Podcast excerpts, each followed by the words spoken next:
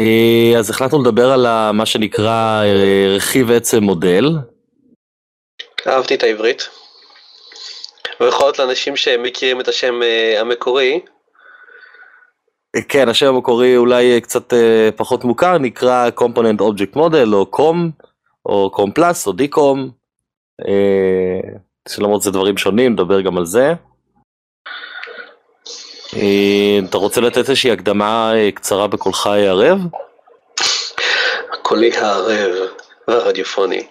אה, אפשר, כאילו לדבר על component object model וחברים שלו ומה הם מנסים לפתור, שבגדול זה מערכת של שיתוף מידע בין אפליקציות, בצורה שאתה מה שחשוב זה המידע, המידע והפעולות שאפשר לעשות על המידע עליו, ולא איזה API אני, של service שאני קורא לו. זה בדיוק הפוך מ service oriented architecture.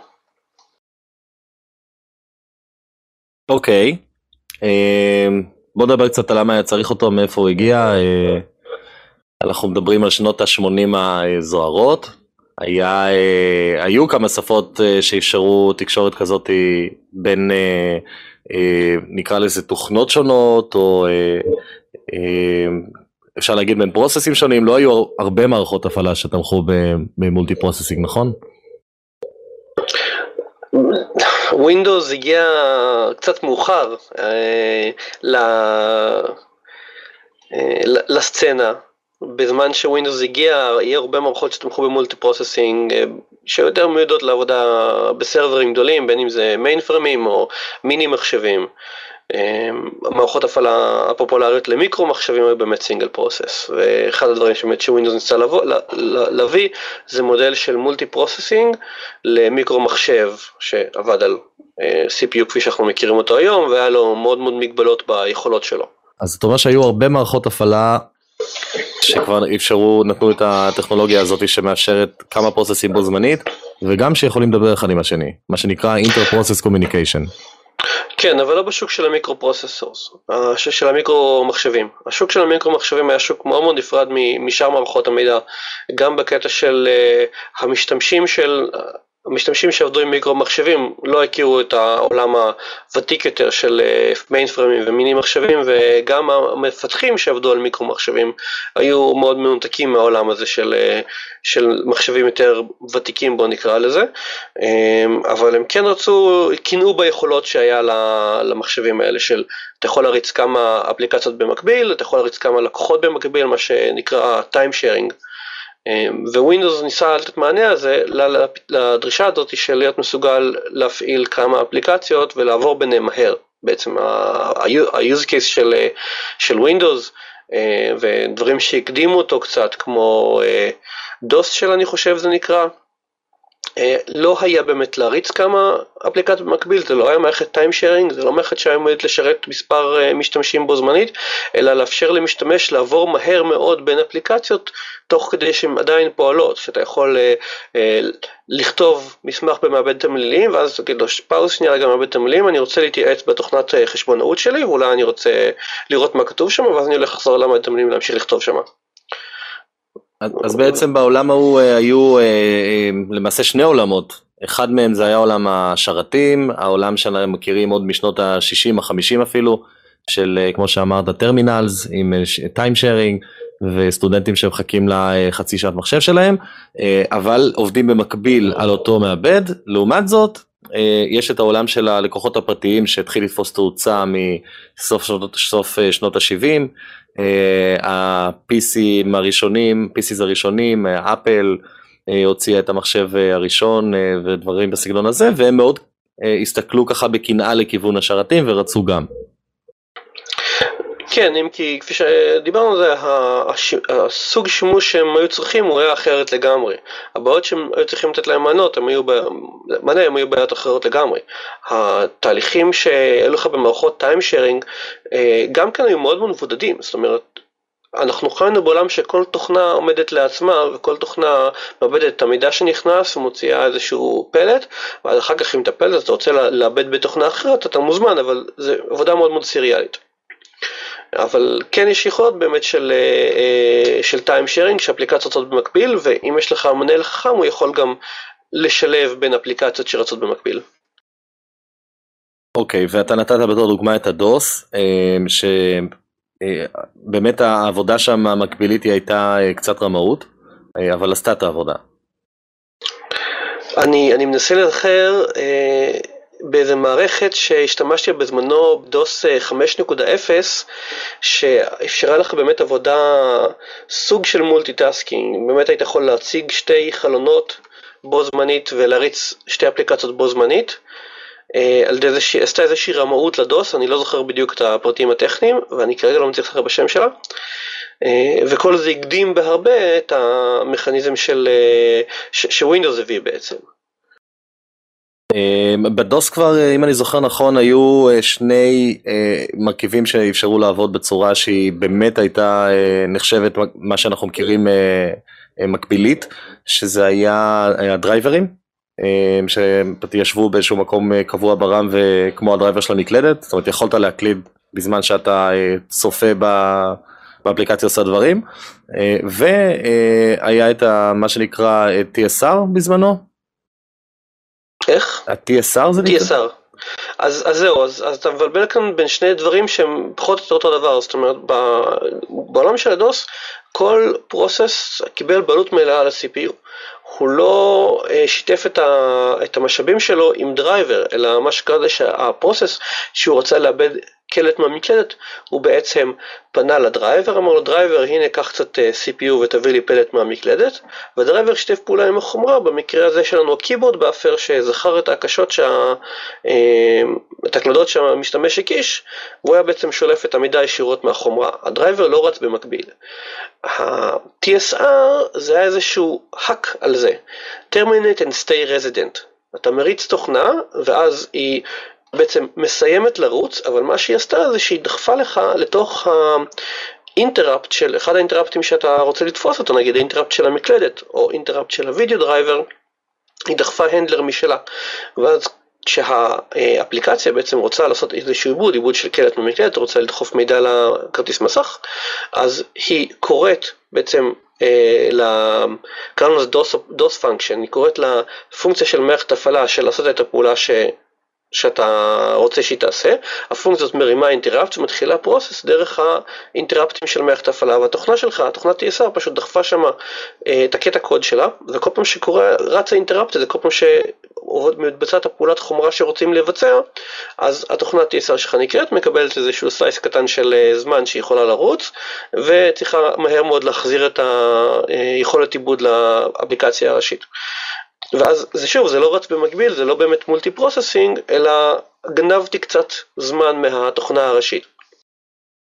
אוקיי, זאת אומרת, יש כאן איזשהו, האלמנט הוא דומה לדעתי, כי אנחנו שוב מדברים כאן על משהו שהוא די דומה ל round robin אה, אה, שהמעבד עושה אה, בין processים, אפילו שמבחינת process per se אנחנו עדיין מדברים על אחד, אבל עדיין יש כאן איזשהו round robin, למרות שאני חושב שאתה צודק, וב-TSR וב driverים, שוב, זה תמיד היה מישהו אחד כרגע, בוא נגיד stack, stack אחד שמטופל על ידי המעבד. כן, ופה בעצם, אה, ופה בעצם נכנס הנושא, הצורה שבה בעצם דוס ודברים, ודברים אחרים כמו Windows 1.0 התייחסו ל multi processing. multi processing זה, אה, ברח לי, ברח לי עכשיו המונח, אה, שאפליקציות מסכימות ביניהן על להיות multi, מערכות multi processing ומחליפות ביניהם בצורה אקטיבית את, ה, את האחריות על ה-CPU. האפליקציה רצה, זו תקופה קצרה, אמורה להגיד אוקיי, סיימת, השתמשתי מספיק ב-CPU, אה, הגיע הזמן שהאפליקציות האחרות גם כן יוכלו לרוץ. אתה בטח זוכר את המונח. אה, לא, האמת שלא, אבל אה, אולי software multi processing. אה, בשביל זה בדיוק המצאנו את ויקיפדיה כדי להזכיר לנו את הדברים, את הדברים האלה אז, אה, אז המונח, הצורה השנייה של multi processing אנחנו קוראים לזה preemptive multi tasking או cooperative multi processing אז אה, הצורה הפרימיטיבית הזאת שדיברנו לפני שנייה היא, היא בוא נקרא לזה cooperative multitasking או non-preemptive multitasking. אוקיי, מעולה. אה, אז בוא נשמור קצת אה, דברים לפרק על דוס. אה, ובינתיים אפשר להגיד שהגיע, באיזשהו שלב הגיע Windows, Windows 2.0 ליתר דיוק, ובעצם הכניס טכנולוגיה חדשה שנקראה Dynamic Data Exchange. כן, אז אז אמרנו שיש לך בעצם אה, כמה אפליקציות שרצות במקביל, בין אם הן אה, מוכנות לשתף פעולה אחת עם השנייה או איזשהו תהליך אחר. ובמקרה, ה... בדוגמה שנתתי קודם, יש לך משתמש שרוצה להחליף בין אפליקציות, הוא רוצה פעם אחת להסתכל על בית המילים, פעם אחת להסתכל על התוכנה החשבונאית נגיד, ומה שמידע שמופיע לו בתוכנה החשבונאית הוא רוצה להכניס אותו לתוך בית המילים ולשלוח נגיד דוח למחס הכנסה או משהו כזה. ואז נשאלת השאלה למה שלא פשוט יעתיק את המידע מהתוכנה החשבונאית וידביק אותו במעבד תמלים. ונשאלת השאלה וגם נהנית התשובה, אמ, אפשר לעשות את זה, שנת 87, אמ, אה, Windows 2 מושק עם אה, אה, framework שנקרא Dynamic Data Exchange, DDE, ובעצם תוכנות ידעו לדבר אחת עם השנייה ולעשות למשל copy-paste אה, באמצעות אה, איזשהו סוג של interface אה, פרימיטיבי. מה הכוונה? כל תוכנה שידעה לדבר DDE חשפה את עצמה באמצעות איזשהו שם, מה שנקרא השם של ה application. המידע שהתוכנה ידעה לשתף היה מחולק לקבוצות שנקראו topic, ולכל topic היה אייטם אחד או יותר שבעצם החזיק את המידע עצמו. למשל, אם אנחנו מדברים על תוכנה לגיליון אלקטרוני ותוכנה לעיבוד תמלילים, אה, אז הגיליון האלקטרוני ה application היה אקסל, ה application name שלו היה אקסל, אה, ה topic אה, שלו היה שם המסמך שכרגע אתה עובד עליו, והיה לו אייטם שמחזיק את המספר תא ומספר שורה. ומה שקרה זה ש-DDE היה עובד בצורה של client ו server. ה server היה מי שמספק את המידע, ה client היה מי שצורך אותו, וה client היה שולח פקודה, פקודה DDE ספציפית, באמצעות מה שנקרא DDML, ML אה, עומד עבור management management library ובעצם אה, הפקודה הזאת הייתה אומרת אני רוצה להירשם לשינויים במידע ואז הייתי משנה את הערכים באקסל והם היו משתנים בוורד.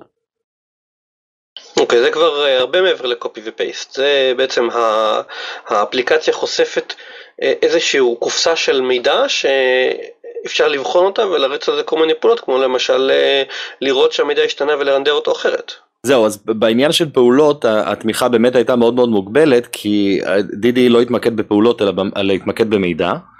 אמ, אבל אה, כן, זה ברור ממה שאתה אומר שכאן אה, זה בעצם גירה את הצורך של אותם מפתחים לעוד ועוד אפשרויות שקשורות לפונקציונליות ולא לשיתוף של מידע פרופר. אגב, אני עושה כאן קצת סגווי כי זה באמת מעניין אותי. העבודה ב-DDA הייתה עבודה דרך, דרך הקרנל, זאת אומרת בעצם הדרך שלי לפרסם את היכולת DDA של האפליקציה שלי להירשם לאיזשהו uh, אה, API בקרנל ולשלוח הודעה לסרבר של DDA, אני כקליינט, אני קורא לאיזשהו API של הקרנל, נכון? לא, אה, מה שקרה ב-DDE זה שהיית עובד ישירות, אה, זאת אומרת כל העבודה הייתה קורית דרך ה-Windows Message Queue. אה, במשפט אחד ה-Windows Message Queue זה היה איזושהי לולאה שיושבת במיין, אנחנו יודעים שלכל יש מיין, אז פשוט היה while, אה, היה שם פונקציה בתוך התנאי של ה-while שנקראת get message, אה, והיא הייתה מחכה להודעה שנתקבלת לתוך ה-Queue של אותו message, של אותו window, וככה חלונות היו מתקשרים אחד עם השני ועם כל דבר אחר שרצה לדבר איתם. וה-DDE בעצם היה מתיישב כסוג מסוים של הודעה שמתקבלת בתוך ה-Windows Message Queue. או במילים אחרות ה-Message Queue היה גם נקרא הרבה פעמים בשם חיבה loop. אה, וככה אז כל אפליקציה שמדברת Windows בעצם יש לה message loop כזה שמעביר הודעות דרך ה-kernel לאפליקציות אחרות. כן, זה לא, זה, זאת אומרת כן, מי שמנהל את זה זה אה, לא בדיוק, זאת אומרת יש הרבה subsystems ל-Windows, יש subsystem ספציפי של ה-GDI שאחראי לנהל את הדברים האלה. אה, אז, אז לא הייתי אומר אולי קרנל uh, ישירות, אבל כן, זה בעצם היה עובד, עובר דרך המערכת הפעלה. וגם היום, WPF, WinForm, MFC, כל, ה-Qt לווינדוס, כל מי שמציג חלון על ווינדוס, חייב ב-under the hood לממש את העבודה מול ה-message queue, מול ה-message loop, וזה משהו שהיום אנחנו בקושי נחשפים אליו. אבל פעם ב-Windows 2 Windows 3, אם הייתי רוצה לכתוב אפליקציה חלונאית, כמו שקוראים לזה, אז הייתי חייב להבין מה, איזה הודעה שלחו לי, מה הסוג של ההודעה ומה לעשות איתה. ו-DDE התלבש על זה. אוקיי, אז בעצם הוספנו עוד סט של הודעות שיכולות לעבור שם, שהם ה-API של DD. כן, אני מצאתי את ה-header file של DDE מ-Win 32 הימים הראשונים שלו, לא הצלחתי למצוא את ה-header file של 16 ביט. ווין 16. אני לא מצאתי של Win 16, אתה מצאת? אה אוקיי. לא, אני פשוט, אתה אמרת הימים הראשונים של Windows, של Windows 32. כן, אז זה סתם, אני אגיד דוגמה ל-define-ים של הודעות, יש לך, אני יודע, טוב, זה DNS, DDE underscore FBZ, DDE underscore F app status, כל מיני סוגים של הודעות של DDE. אוקיי, זה מין אינם כזה. זה המון המון דפיינים בעיקר. אוקיי. סליחה. וזה מה שבעצם, זאת אומרת חשוב להדגיש ש-DDE זה לא טכנולוגיה שעברה מהעולם, DDE נמצאת גם היום ב-copy paste למשל, Windows עדיין משתמש בהודעות DDE, למעשה היא הייתה, מכיוון שהיא התלבשה על ה-message loop היא הייתה מספיק ג'נרית, ומכיוון שה-message loop עדיין קיים, אז אנחנו עדיין רואים DDE. הבנתי. אז בעצם הצורה שאני משתמש ב-DDE, אני יכול להתחיל את זה עם copy ו-paste, אבל אחר כך ה-data עדיין live. נכון, אתה נרשם, ברגע שאתה נרשם להודעה שאתה רוצה לעשות מוניטור על מידע, אז החלון שלך, של ה-client, מקבל הודעות, מקבל מהחלון שהוא ה-server, על זה שהמידע השתנה. ואז יש בעצם תקשורת בין החלונות שנעשית בהודעות. יפה מאוד, אז זה באמת interprocess communication, מה, בין הראשונים שהיו בעולם הזה? אני לא יודע אם מה היחס של זה לבין למשל pipe שהיו פותחים בין process-ים.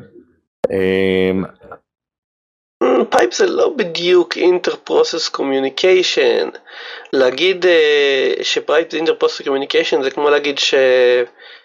טוב, רציתי להגיד שכמו להגיד ש-file, אבל יש לך את file socket. יש לך את file socket, יש לך memory map file, האמת שאין, כאילו אין באמת, על איזה interprocess communication אתה יכול לחשוב שהוא אך ורק נטו interprocess communication. דידי. אוקיי, אפשר שגם זה עובר דרך איזשהו מסאג' לוב, זה... נטוורק סוקט זה נטוורק סוקט פשוט היה מטרה קלה מדי מתנצל. כן האמת שכיוונתי אותך לשם תכלס. אבל אז מה קרה? אוקיי אז בעצם זה היה נחמד אבל לא מספיק. למעשה היה צורך באיזושהי טכנולוגיה שתספק את השיטור של הפונקציונליות. לא רק של המידע שזה מה ש-DD נועד לעשות. וב-1991 מייקרוסופט הציגה בעצם טכנולוגיה שנקראת OLE. שכחתי את הראשי תיבות של זה.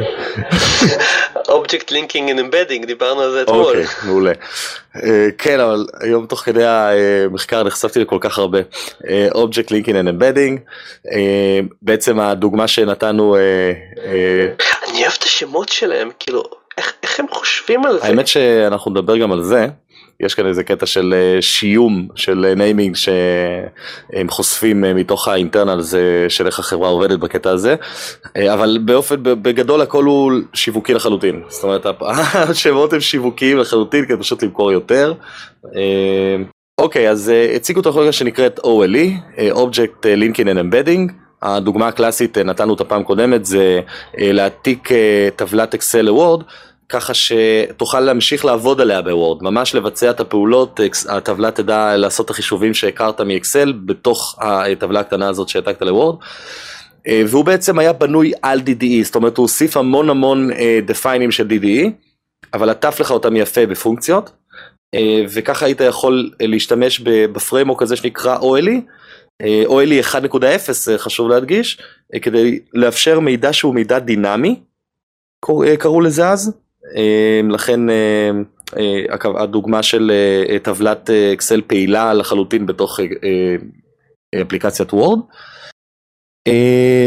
ואפשר להגיד שקודם כל גם כאן היה client ו-server. והתקשורת ביניהם מבחינת ה-client וה-server התבצעה באמצעות בעצם virtual function table. טבלה של pointer-ים לפונקציות. virtual function table, VF table, נשמע לי מוכר. הם קראו לזה VTBL, לא יודע עבור מה ה-B, אולי הטייבל, בזמנו. זה אנחנו... היה מקובל, אתה יודע, בגלל שהשמות קבצים שהיה לך היה רק 8.3 תווים שאתה יכול להשתמש בהם, היה מאוד מקובל לקצר פשוט את המילים, להעיף כל התנועות החוצה, את כל היצורים שנשארו לך, לראות אם יש שם כמה דברים duplicate שאתה יכול להעיף, ומה שנשאר לך בדרך כלל שלוש או ארבע תווים, מעולה, בדיוק עוזר לי להגיד שתי מילים בתוך 8.3 תווים. אז כנראה שזאת הסיבה. אתה רוצה קצת לספר על, על טוני וויליאמס? טוני וויליאמס? אני לצערי אני לא בטוח מי זה טוני וויליאמס. אז בוא נשאל אותך ככה, אתה יודע מי זה טוני וויליאמס? אני לא יודע מי זה טוני וויליאמס. אז בוא נספר לך. טוני וויליאמס היה אחד משני הממציאים של הקום, הוא גם היה שותף לפיתוח של ה-OLE, OLE גרסה 1.0, וגם לפיתוח של הקום ו-OLE גרסה 2. והוא מתראיין בצ'אנל 9, יש לו ראיון מאוד נחמד, שהוא שואלים אותו לצערי מעט מאוד שאלות ספציפית על זה, אבל המון שאלות על מה הוא אוהב ואיפה הוא עבד קודם, אבל יש לו כמה פניני חוכמה ספציפיים רלוונטיים לפיתוח של הקום. אחד מהם מתמקד בעניין הזה ששואלים אותו בעצם, תשמע, הייתה כבר תקשורת בין תהליכים, כן, היה שיטות מוגדרות היטב לתקשר בין תהליכים, למשל סמולטוק אפשרה את זה, אתה ידעת את זה? האמת היא שלא, אני הכרתי סמולטוק בשפה, אני לא בטוח אתה בקשר לתקשורת בין תהליכים שלהם. אוקיי, אז זה מה שטוני אמר ואני לא מתווכח עם טוני. אבל הוא הרגיש שהייתה עם זה בעיה ושהמצב הוא רחוק מלהיות אידיאלי. למשל היו כל מיני סטנדרטים מאוד ברורים להציג איזשהו trace מעצבן על המסך כשמשהו לא עובד ומשתמש קצה לא אמור לראות trace-ים כאלה למרות שלמפתח זה מאוד יכול לעזור והקטע הכי חשוב לא היה דרך ברורה להגדיר מהו אובייקט, מה האובייקט יכול לחשוף, איך הוא חושף את מה שהוא יכול לחשוף, איך אנשים אחרים יודעים שזה מה שהוא חשף ולא היה interface אחד אחיד ומוגדר לעשות את זה. מה שהוא אמר זה שצריך להיות פרוטוקול שיאפשר שיתוף של שיטות של פונקציות, בעצם הוא קרא לזה function integration. אז הייתי רוצה שנשמע שתי דקות מתוך הריאיון שבו הוא מדבר על העניין הזה ואומר מה צריך לעשות. מה לדעתו היה צריך לעשות. יאללה. It was really a, a question of seeing how you could generalize the approach and say, you know, there's more kinds of, of integration you want to do than just pasting a picture into a document. Certainly. Okay, so you want to be able to do, you know, what, what I would call functional integration, so that there's a calculation engine over in Excel. Maybe I can call upon it and ask it to calculate something for me.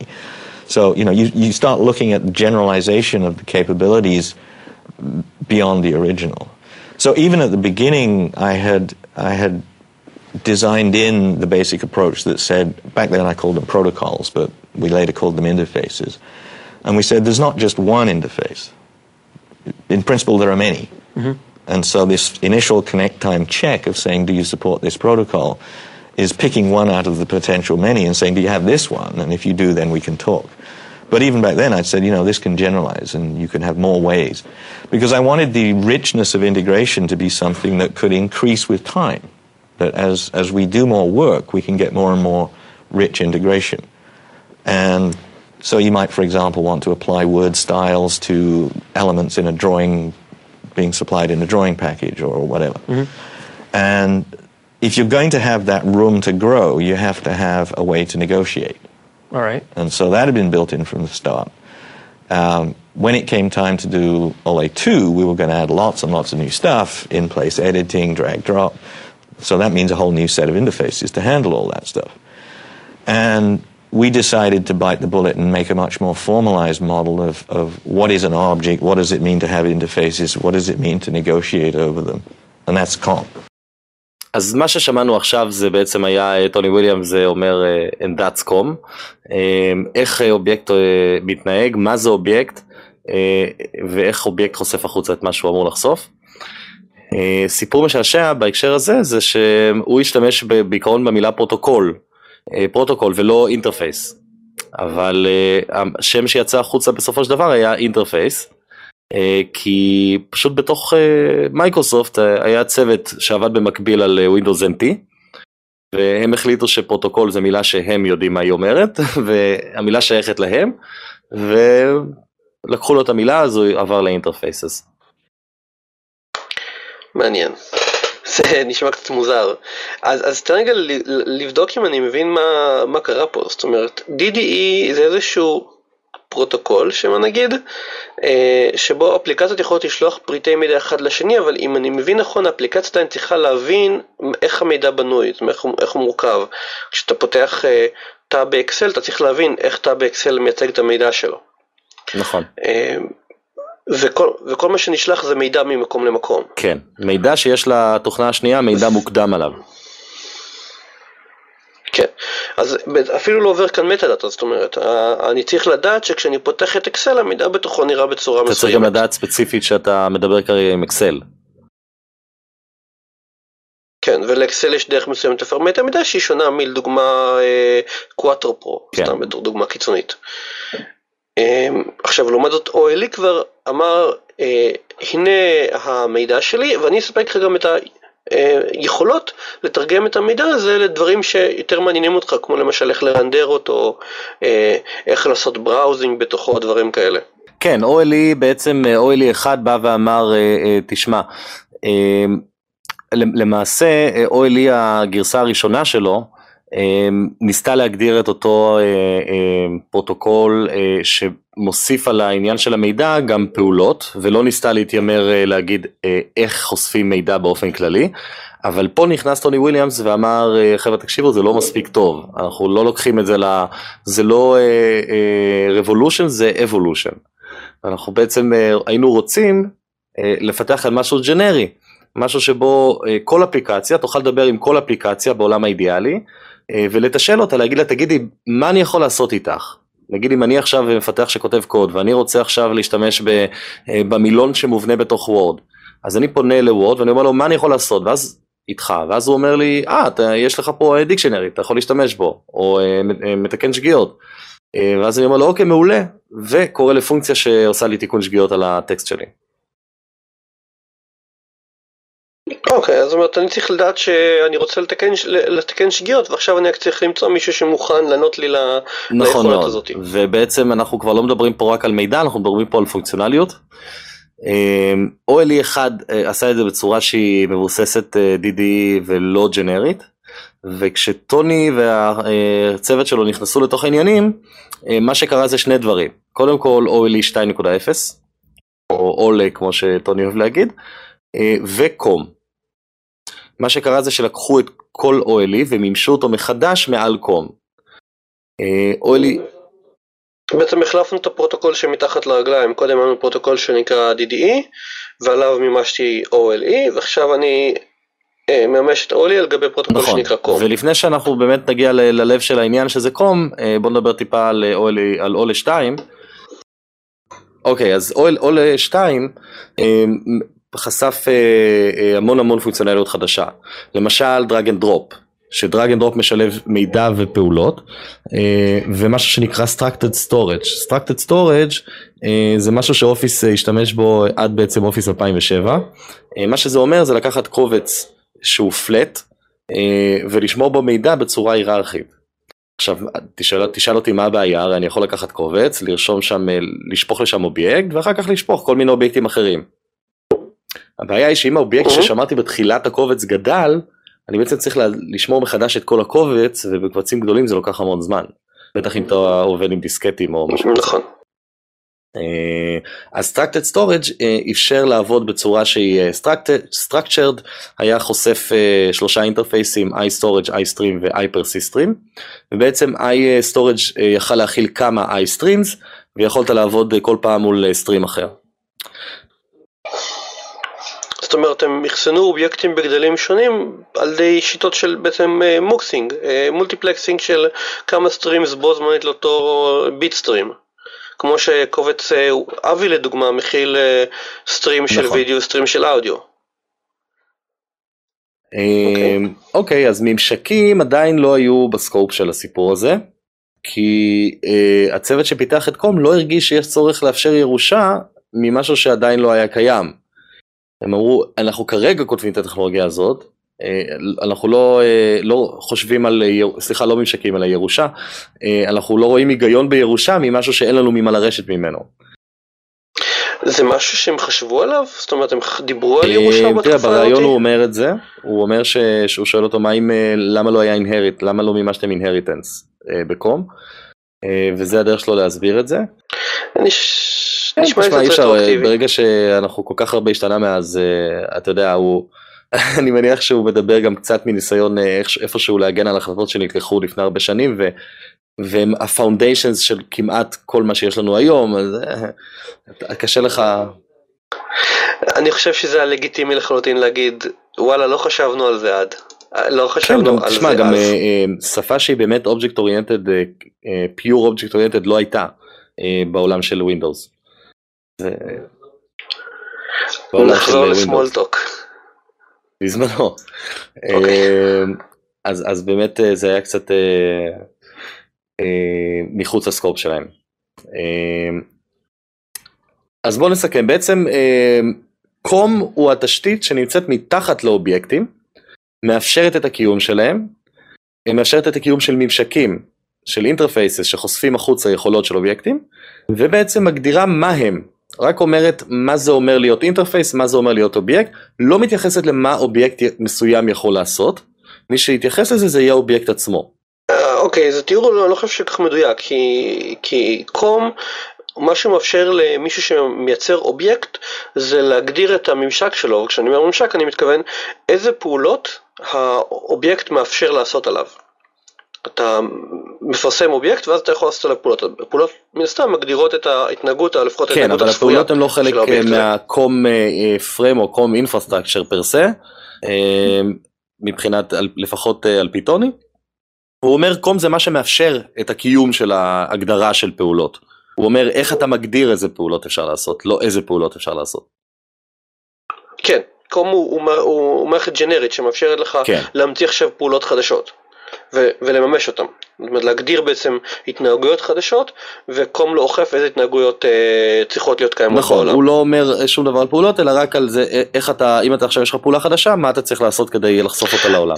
אז, אז זה הקטע שקצת אה, אה, חסר לי. אני עבדתי הרבה עם קום אה, אה, כיכולת לטעון בעצם אובייקטים לתוך אפליקציה קיימת, אתה יכול אה, לפרסם אה, אובייקט, לפרסם software component שממש קום לתוך מערכת הפעלה ואז אפליקציה שרוצה להשתמש ביכולות של, ה, אה, של האובייקט COM הזה יכולה בעצם לטעון את האובייקט COM על שהיא תבוא למערכת הפעלה ולהגיד אני מחפש אה, אה, software component שממש את ה interface הנ"ל, מערכת הפעלה מציעה, האפליקציה טוענת אותו, כל מה שאני מדבר שטויות תקן אותי בבקשה. ואז פשוט אפשר לפנות בחזרה לאובייקט COM אחרי שהוא ניתן ולהגיד תביא לי את הממשק שלך ולקרוא ל-API שלו. וכל זה עובד דרך, אה, אה, דרך בעצם קריאות פונקציות של C. זה דרך טבלאות של, אה, טבלאות של פונקציות שממומשות מאוד מאוד ב-C. אבל COM הוא גם, כפי שדיברנו בעצם עד עכשיו, COM בעצם דרך לעשות גם inter-process communication, אני יכול לדבר ב COM עם process אחר. ואנחנו יודעים, למדנו איך DDE עובד, יש uh, Windows Message Loop ואתה מעביר הודעות ולהודעות יש דאטה. תראה, COM, כל עוד אתה חי, אז, אז נתחיל מהסוף, כל עוד אתה חי בתוך ה process שלך ואתה עושה קריאות COM אה, בין uh, דברים שחיים ב process address של space שלך, אז אתה בעצם לא עושה כאן שום דבר מיוחד, אתה עושה קריאות של פונקציות uh, uh, שהן אכן uh, קריאות פונקציות uh, פשוטות מאוד ב-C או C++ לצורך העניין. מה שקורה ברגע שאתה יוצא מה, מה boundary של ה process, אתה למעשה כבר לא מבצע רק COM, יש כאן עוד magic שקורה under the hood, יש עבודה נוספת של ה COM infrastructure, הוא צריך, של ה COM runtime כמו שהוא נקרא, הוא צריך לייצר proxies, הוא צריך לייצר stubs, יש כאן עוד המון עבודה, heavy lifting שלא ממש נכנסתי לאיך הוא ממומש באופן פרטני, אפשר בהזדמנות להיכנס לזה קצת יותר. בחלק של איפה טעינו, אם נגנוב לספק סביר. אוקיי, אז בעצם אתה אומר ש COM מאפשר לי interprocess communication על זה שיש תשתית שמיקרוסופט בנתה, שמאפשרת לי לטעון אובייקטי COM, כאילו שאני טוען אותם לתוך ה process address space שלי, אבל בעצם זה מומש על ידי זה שמיקרוסופט נותנים לי לטעון stub או proxy לתוך ה address space שלי, וה proxy מתרגם את הקריאות שאני נותן לו אה, לאיזשהו remote protocol, remote protocol אה, מגיע server, ושם בעצם מומר בחזרה לקריאות C, כאילו שה... client נמצא באותו address space של ה server. נכון מאוד, זה נקרא, כל המנגנון שתיארת עכשיו נקרא ב Windows marshaling, ויש subsystem ב Windows שהוא אחראי לבצע marshaling. אה, פשוט לא נכנסתי טכנית לאיך marshaling אה, אה, ממומש under the hood בווינדוס, אבל זה המנגנון. נדבר גם על זה. בהזדמנות אני בטוח. אז אתה רוצה לדבר על I unknown ו-I dispatch? או, מעולה, בוא נדבר על איינון ו-dispatch. אז, וזה בעצם, בואו בעצם נבין מה זה, מה זה קום, מה זה component object model. ואיך שאני רואה את זה לפחות, זה ברמה הכי בסיסית, זה דרך להסתכל על uh, שירותי תוכנה ולחשוף אותם בצורה ששירות תוכנה אה, מפרסם בעצם, סדרה של ממשקים שהוא תומך בהם, כל ממשק זה פשוט סט של, אה, של פעולות, סט של function calls שהוא תומך בהם, ומשתמשים יכולים בעצם לפנות לסופטר קומפוננט, לשאול אותו אה, האם אתה תומך בממשק מסוים, האם אתה תומך בממשק אחר, ואז לקבל רפרנס לממשק הזה ולקרוא לפעולות. וכל הבלגן הזה ממש בצורה מאוד מאוד פשוטה על ידי ממשק שנקרא iAnown.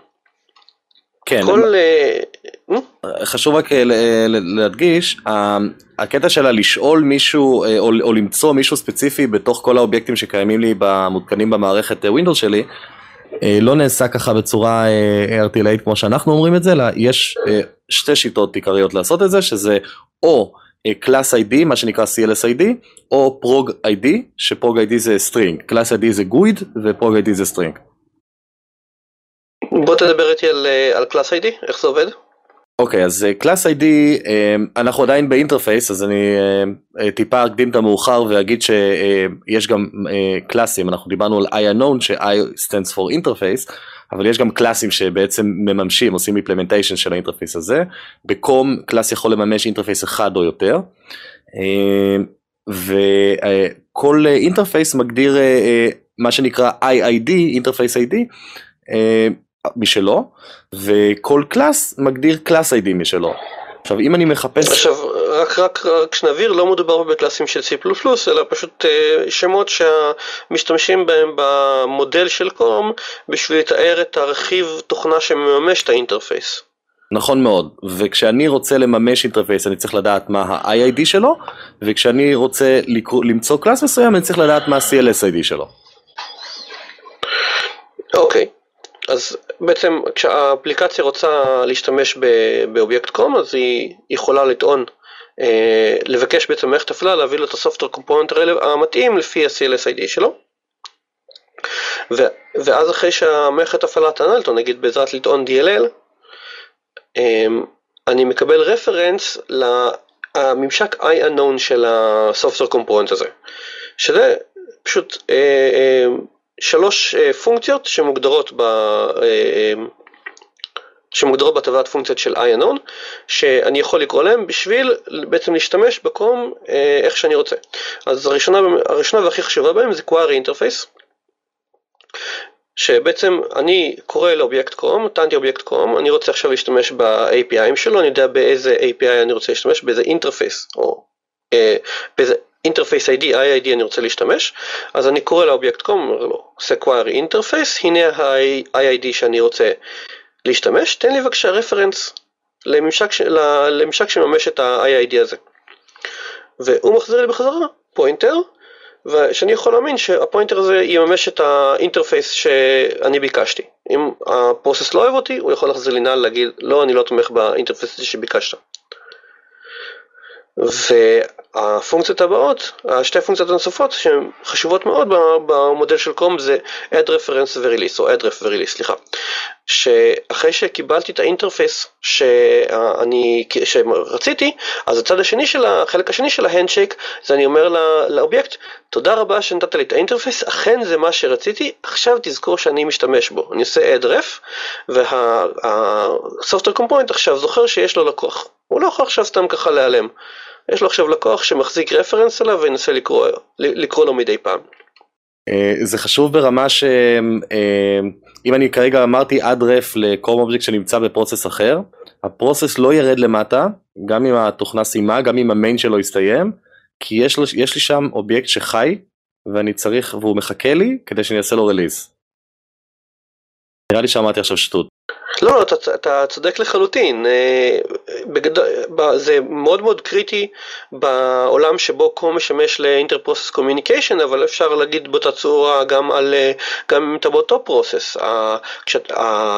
כשאתה מבקש, קורא ל-Query Interface, מימוש למשל אפשרי של המימוש של Query Interface זה פשוט ללכת ולאתר לך עכשיו מקום בזיכרון, אה, לאחסן את העובדה שמישהו הולך להשתמש באובייקט מסוים ולתת לך reference למקום בזיכרון הזה. ואתה רוצה לשמוע, לדעת כמה לקוחות יש לאובייקט הזה, כשנגמרים הלקוחות אתה יכול לשחרר את הזיכרון. עכשיו אם אתה משחרר את הזיכרון מוקדם מדי, ומישהו אחר כך מנסה לקרוא ל interface, exception segmentation fault, זה לא נעים בכלל. אז ועד הצד השני של בעצם של add ref זה release, שהלקוח אומר תודה רבה על ה interface, סיימתי להשתמש בו, עכשיו אתה יכול לשחרר את הזיכרון, או ה process יכול לרדת. עכשיו, על בסיס הממשק המאוד מאוד פשוט הזה, היכולת הרחבה היא בעצם אינסופית.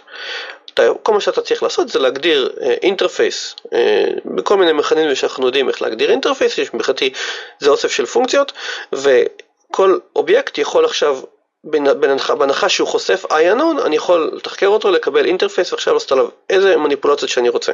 אוקיי, אוקיי, חשוב רק להבדיל בין IUnknown הקלאסי, שמגיע בעצם, אה, שמג... שאתה מקבל אותו כשאתה מתקמפל מול...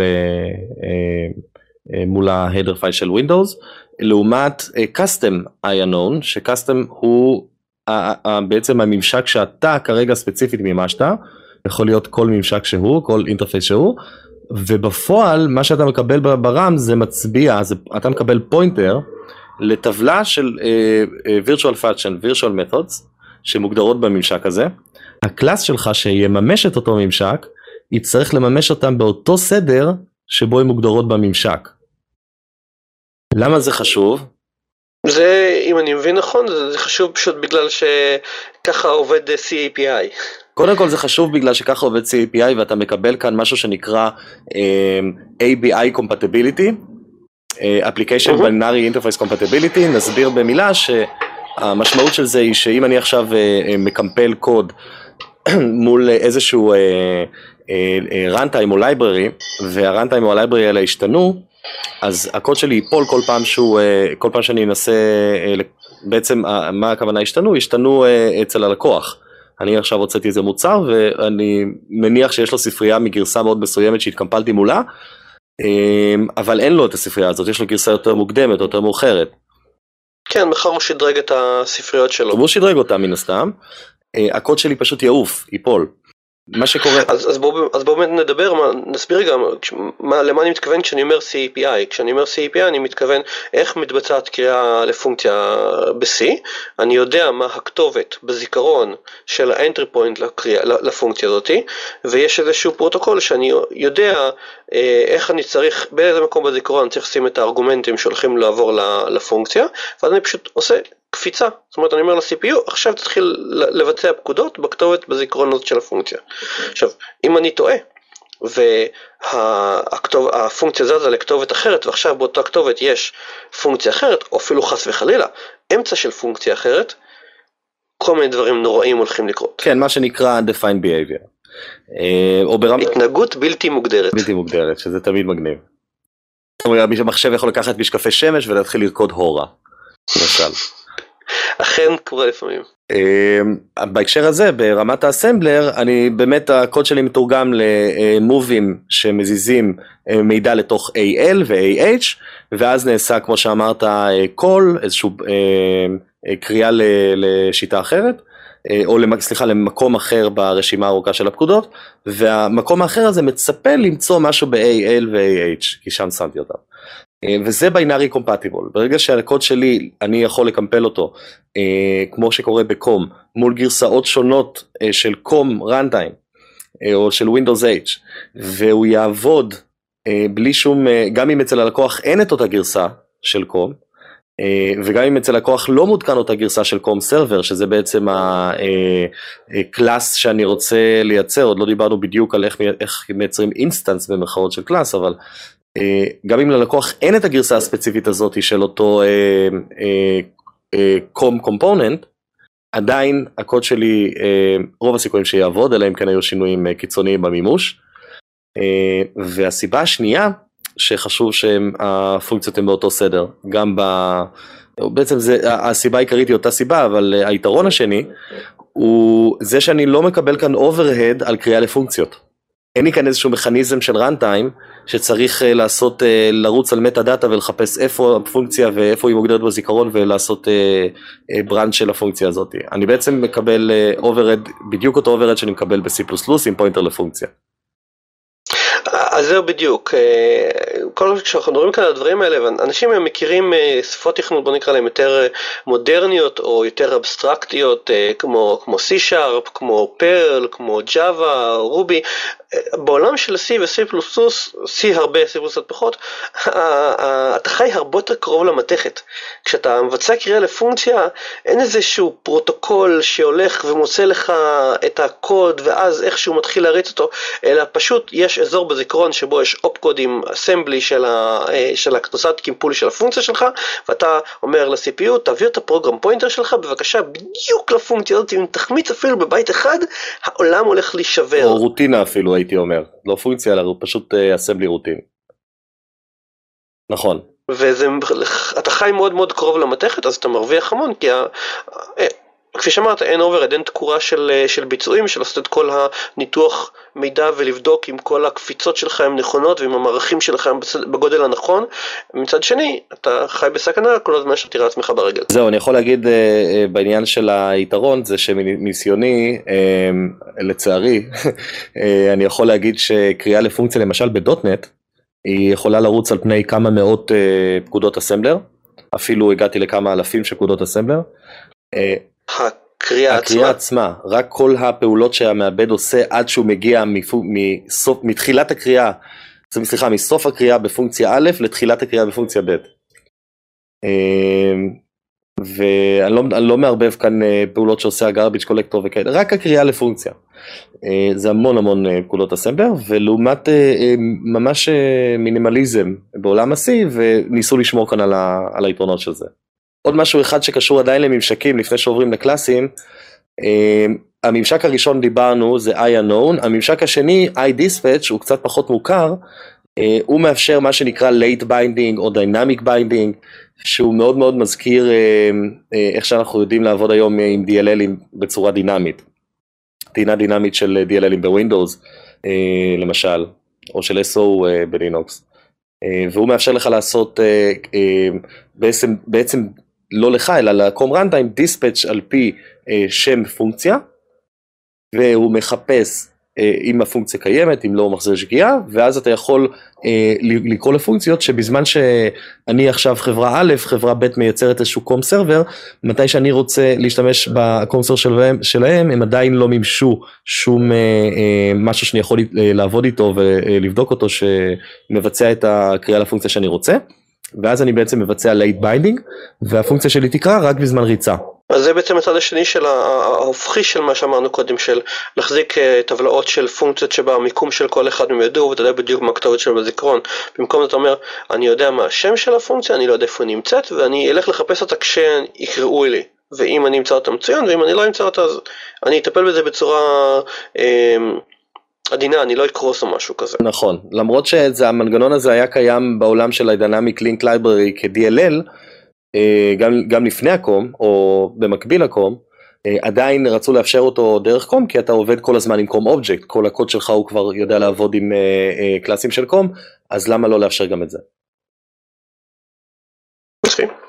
אוקיי, אוקיי, ואם אני עכשיו נניח רוצה לייצר COM אה, server, אני חושב שהשתמשנו במילה COM server בלי להגדיר מה זה, זה בעצם כשאני מממש איזשהו class, אני אה, אה, כותב איזשהו class שמממש interface של COM, וה class הזה יודע לעשות פעולות שאפשר לקרוא להם מבחוץ, אז אני מימשתי למעשה COM server. כן, אתה מסתכל על, ה, על התקשורת ב COM, למרות שבדיוק דיברנו על זה, כמה זה low level C API function call, אז אתה פתאום אומר לא, זה פרוטוקול, זה פרוטוקול תקשורת בין לקוח לשרת, הלקוח רוצה לקבל את השירותים של השרת, השרת מספק אותם. בדיוק. ושוב, אם אנחנו מסתכלים אחורה, אז החל מימי ה-DDE, דרך OLE אחת, דרך OLE שתיים, כל הזמן יש לנו את העניין שחוזר של client server. וגם פה זה בא לידי ביטוי, COM, אה, מיש, הרכיב COM שאני משתמש בו נקרא COM server, ואני בעצם ה COM client, אה, מי שמשתמש בו. אז אם אני עכשיו רוצה לכתוב class אה, שמממש interface, אני צריך להגדיר type library. אוקיי, בוא נדבר על type library, אז מה זה type library? אוקיי, אז type library בגדול זה ה metadata של COM. אנחנו מכירים את ה data משפות uh, high-level מודרניות, Java, .NET, אה, יש לנו reflection, יש לנו כל מיני דברים מגניבים, שמתבססים על זה שיש לנו metadata. אה, ה metadata זה בעצם המידע שמספר למשל איזה פונקציות יש באובייקט, איזה פרמטרים הפונקציות האלה מקבלות. זה בעצם הדרך שלי לייצר את, ה, את בגדול את ה header file הזה שמולו אני יכול להתקמפל ולהשתמש ב COM server. כן, זה בעצם header file משוכלל. אמ, יש אה, אה, MS-IDL, אה, שזה הסטנדרט שעל פיו אתה כותב את, כותב את הקובץ type library שלך. תן לי לנחש, MS-IDL, Microsoft Interface Definition Language? כן. זה בדיוק כמו IDL אבל עם MS בהתחלה. נכון, הקומפיילר אתה יכול לנחש איך הוא נקרא? הקומפיילר שלוקח קבצי IDL ומקמפל אותם לקבצי TLB. MIDL? MIDL, יפה מאוד. שזה תיבות של? Microsoft Interface Definition Language. אני אוהב את השמות שלהם. אה, כן, מאוד מקורי. אה, מזכיר את התחרות של הקומפיילרים שהייתה בשנות ה-80 בין בורלנד אה, למייקרוסופט, פשוט הטעות הראשונה הייתה שונה כל פעם. כן, לא תראה, C קומפיילר זה CC, עכשיו רק תתחיל איתו במשהו אחר, ICC, VCC, GCC, BCC. כן. אמ, וקיבלנו מקבצי IDL שהם קבצי טקסט, הם מגדירים בעצם שמות של פונקציות, אה, ומטה דאטה על הקום עצמו, בפורמט אה, מוגדר ומסודר שמייקרוסופט הכתיבה. אנחנו קיבלנו קובץ בינארי שנקרא TLB, ומכיל את אותו מידע בצורה דחוסה, ומי שיעשה בו שימוש בהמשך זה הקום runtime. אוקיי, okay, זה בעצם הדרך של הקום runtime לזהות uh, כשמקבל קריאה לפונקציה מסוימת, לאיפה להעביר את ה... לאיפה להעביר את, ה, את הקריאה, לאיפה להעביר את, ה, את הקפיצה לפרוסס. בדיוק, זה מה שמאפשר את היתרון שדיברנו עליו מקודם, אה, שאתה פשוט יודע אה, מה המיקום ומה הגודל, אה, זאת אומרת, מה, מה מרווחים בזיכרון, הרי ב-Virtual Function Table אתה קודם כל מקבל את כל הפונקציות אחת אחרי השנייה. אז אם יש לך את הקובץ שאומר לך מה הסדר שלהם, אתה יכול גם לדעת מה הסדר שלהם ב-Virtual Function Table בזיכרון, ואז אתה מרוויח את הקריאה לפונקציה שהיא בלי עוברת. אוקיי, okay, זה קצת אבסטרקטי לי מדי, כי קשה לי לעשות את הקפיצה בין uh, uh, CAPI שקופצים לפונקציות ואז חוזרים מהם, מה בדיוק אני עושה עם ה-TLB, אבל בוא נמשיך. אוקיי, מכיוון שזה די under the hood uh, ומימוש של מייקרוסופט, אולי באמת כדאי להמשיך. שהם לא מספרים לך איך זה עובד באמת. לא מספרים לך, אבל אתה ממש מעניין מישהו, אז אפשר לעשות, אה, לפתוח לואו לבל דבאגר ולהתחיל לחפור שם. אז אנחנו נעשה הסשן הזה באיזשהו שלב, כי אני רוצה להבין איך הדבר הזה עובד. סבבה. אז, אז מה הקשר של זה ל registry? אוקיי, okay, אז הרגיסטרי הומצא במקור עבור אה, COM, מה שאמרו זה אובייקט רושם את עצמו ל registry אה, בעזרת CLSID, ה class ID, אותו GUID שמייצג את האובייקט אה, שאנחנו כתבנו, או, אה, וגם באמצעות ה ProgID, אה, וכשמישהו אחר רוצה להשתמש באובייקט COM שלי, הוא אומר ל COM, ל COM runtime, עוד מעט אנחנו, זאת אומרת אתה כבר אמרת את ההתחלה, אתה התחלת להגיד query interface, בעצם מה שעושה query interface הולך ל registry, מסתכל לפי ה-CLSID או ה- ProgID, מוצא את המקום ב registry שבו האובייקט COM שאתה רוצה להשתמש בו נמצא, ומחזיר חזרה את ה-DLL בעצם, או את ה-EXE, את ה-Executable, executable, שבו נמצא המימוש של הקוד. זאת אומרת אני יכול לטעון או, או DLL, יכול לקבל בתגובה או DLL או executable. כשאם זה DLL אני בעצם עושה לו load library ומתחיל, יכול להשתמש בו in process, ואם זה executable אני צריך איכשהו לגרום לו לרוץ כדי שאני אוכל להשתמש בו בתור out of process com server.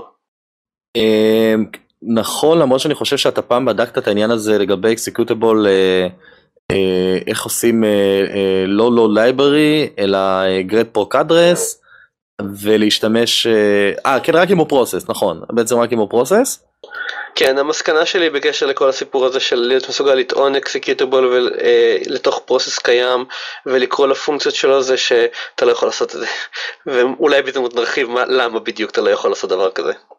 מאה אחוז. עכשיו עוד תיקון קטן רק למה שאמרתי קודם, זה לא רק DLL, אני, אני חושב שהיו עוד המון סיומות שהיו קיימות לקוד בינארי של COM objects, למשל אני חושב ש-OCX היה מאוד פופולרי ל-ActiveX, שאולי נדבר עליו בכמה מילים יותר מאוחר, ול Office גם היה מי שלא כל מיני סיומות, אבל בעיקרון ברוב המקרים אם זה חברה חיצונית שמשתמשת ב COM object של חברה צד ג' אחרת, אז רוב הסיכויים זה היה DLL. האמת היא ש-OCX היה מאוד מקובל בזמנו, כש, לפחות כשעבדתי, בתקופה שעבדתי עם Delphi הרבה, היה מאוד מקובל להוציא קומפוננטות, פיתוח למפתחים, למכור בעצם קומפוננטות למפתחים, שהפורמט היה OCX. כן, אז בדיוק, אז, אז בעצם היית קונה את הקומפוננטה הזאת כ-OCX ויכול להתחיל לעבוד מולה. והרגיסטרי עזר כאן במקרה שלא אתה עדיין לא שיווקו את הקומפוננטה הזאתי, זאת אומרת ללקוח יום אחד יהיה אותה, זאת אומרת זה לא קומפוננטה שנמצאת מקומפלת יחד עם הקוד שלך, אתה לא מוציא אותה יחד עם הקוד שלך, אבל אתה יודע שיש חברת צד ג' שעושה, נותנת איזה שהם שירותים, והרגיסטרי פשוט מחזיק את הכל, הוא, הוא כזה בלי זמן, כן, יכול להיות שמחר הוא יתקין את הרכיב, יכול להיות שהוא כבר יתקין אותו, הרגיסטרי אומר לך בוודאות אם כרגע יש לך את הקומפוננטה הזאת מותקנת, ואם כן איפה. אוקיי, אני לא צריך לעשות בעצם, כשאני מוצאים אפליקציה שמשתמשת באיזשהו קומפוננט קום, אני לא צריך גם להביא איתי את הקומפוננט קום בעצ... בעצמי, אלא אני יכול להסתמך על כך שיהיה מותקן אה, במערכת הפעלה. זה, סוג מאוד חכם של קוד ריוז, אה, שמאפשר לי לא לשכפל את, ה... את הקוד כמו שאני מפיץ את המוצר, אלא לאפשר למוצרים שונים שמשתמשים באותם facilities, לשתף ביניהם את, את אותו קוד שמותקן בגדול במערכת הפעלה. בדיוק, עכשיו כמוצר אני גם יכול לדבר על למשל אופיס, תחשוב על וורד 97 שהשתמשת בו במתקן שגיאות שלו, ווורד 98 יש לו מתקן שגיאות יותר טוב, ה-CLSID שונה. רק אחד מהם הוא מוצר אמיתי אגב. כן, אין, אין, אין באמת וורד 98, זה לצורך הדוגמה. ואז בעצם אתה יכול לזהות את הדברים האלה דרך העבודה ברגסטרי, מול הרגסטרי. הבעיה עם זה, זה שמאז ימי הקום פלוס הרפוזיטור הקטנצ'יק שנמצא, שנקרא רגיסטרי, בעצם כל מפתח במייקרוסופט across the board שרצה לשמור משהו איפשהו, שמר אותו ברגיסטרי, והרגיסטרי הלך והתהפך והתהפך והתהפך, והגיע למצב שיום אחד גילו שהוא קריטי עבור תהליך הבוט. זאת אומרת אתה... עד כדי כך? עד כדי כך. היום יושב לך כל המידע על כל הדרייברים של Windows, יושב ב registry. והוא חלק, ובמה שנקרא post, pre, pre boot של Windows, לפני שהוא מגיע למצב שהוא טען את כל ה subsystem שלו, ואפשר לעבוד מול כל מיני פונקציות רגילות של Windows 32, ה registry זמין, זאת אומרת גם במצב הקדום הזה של ה boot, ה registry זמין, כי אחרת Windows לא יכול לעשות boot כמו שצריך. בגדול המצאנו מנגנון לאחסון מידע היררכי וקל לחיפוש ולהגעה, אז נשתמש בו לכל דבר שאפשר בעולם. ש... ומאז שמיקרוסופט המציאו את ה registry, כל מיני מערכות הפעלה ומשתמשים אחרים רק מחפשים דרך לשכפל אותו. כן, מה שקרה שאולי היה ניסיון ללכת בכיוון אחר, ב Windows XP Microsoft הציגה משהו שנקרא registration free COM. אה, מה שהיה בשיטה אוקיי. הזאת, אוקיי. בעצם המפתח היה אה, מקמפל את הקוד שלו, והמניפסט של COM היה מקומפל לתוך ה executable, או בקובץ נפרד של XML. אוקיי. עכשיו אתה בטח יכול לחשוב על אה, אה, כמות הבעיות שדבר כזה יכול ליצור ובאמת זה לא תפס ולכן אה, עד היום אנחנו עובדים מול ה registry. רגע, אז בעצם אם אני רוצה לטעון register less COM object כזה, אז בעצם אני צריך למצוא את הקובץ XML שלו ולמשוך ולטעון אותו. שזה בעיה ראשונה למשל. אז זה מזכיר לי, האמת היא, אה, הצעת מימוש למערכת דמוית registry ב Linux, שמספקת, אה, שעובדת באותה צורה על זה, זה שכשאתה רוצה להוסיף מידע למערכת, אתה שומר קובץ XML באיזשהו מקום במערכת, וה registry זה בעצם יכול לטעון את כל קבצי XML ולהוציא מהם מידע שימושי. זה לא תפס. כן, זה, זה נשמע error prone. אה...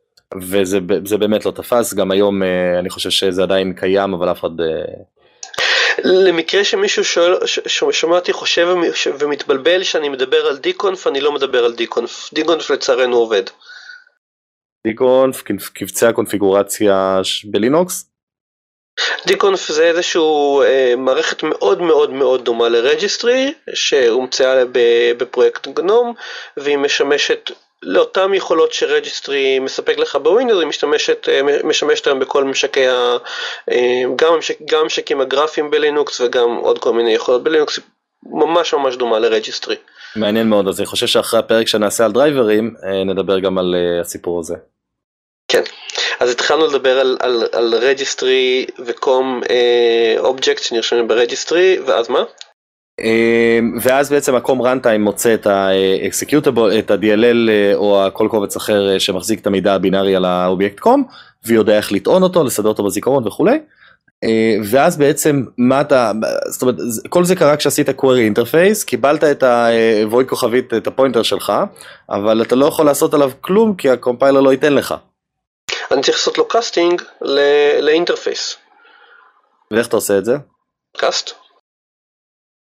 אוקיי, אז, אז נכון, אתה עושה cast ל interface, אה, אבל באמת interface אה, זה לא, זה לא מספיק טוב, כי אתה לא יכול אה, להפעיל שיטות על interfaceים. אתה צריך instance. אז אתה עכשיו כרגע איבדת אותי, אז בוא תספר לי מה אתה מתכוון. אוקיי, אני מדבר על כל create instance אם זה לא היה ברור. אוקיי. בעצם מה שאני הייתי רוצה לעשות זה להפעיל, אני קיבלתי את ה interface, אה, אני עכשיו רוצה לייצר instance שלו ולעשות add ref, למה שאתה אמרת מקודם, להוסיף אה, עוד reference אה, לחברים.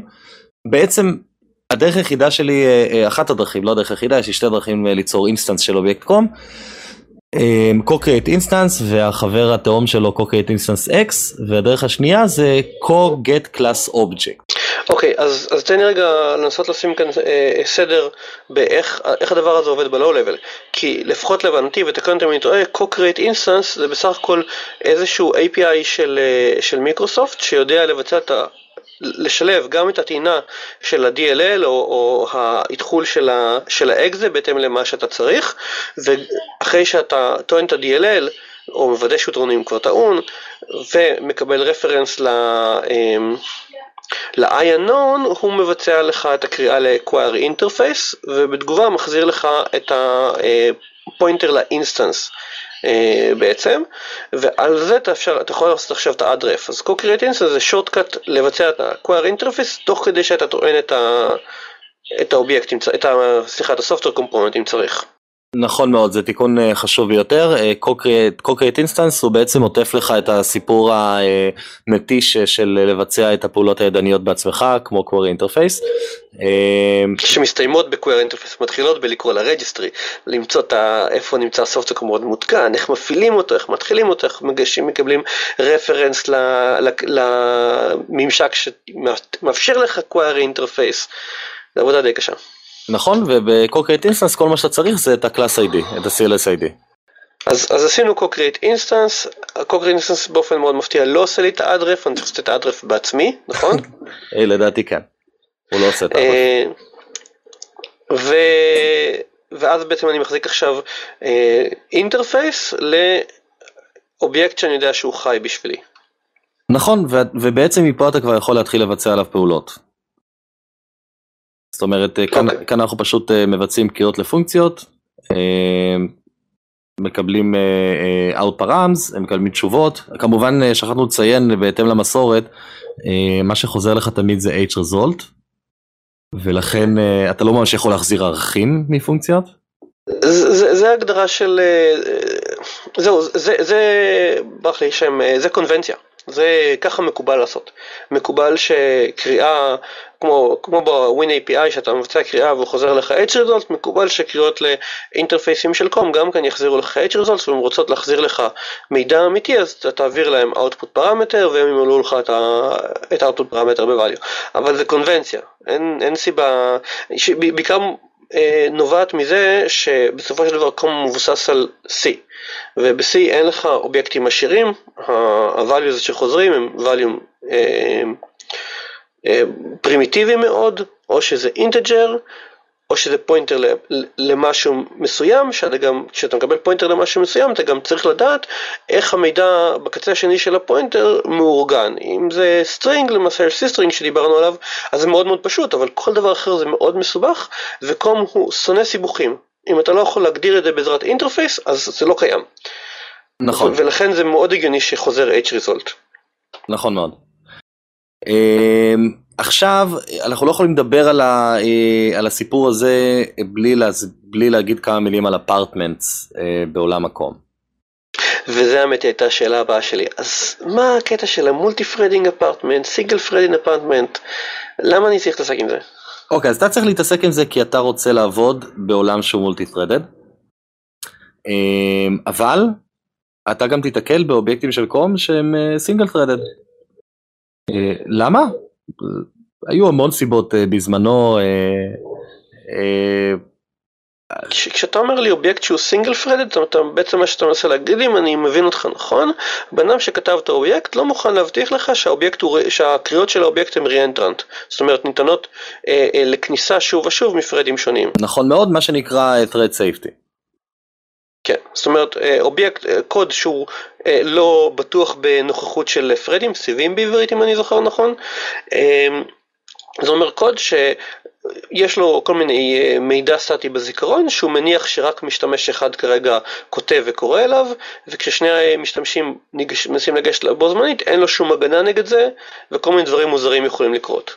בדיוק, שוב undefined behavior שדיברנו עליו קודם.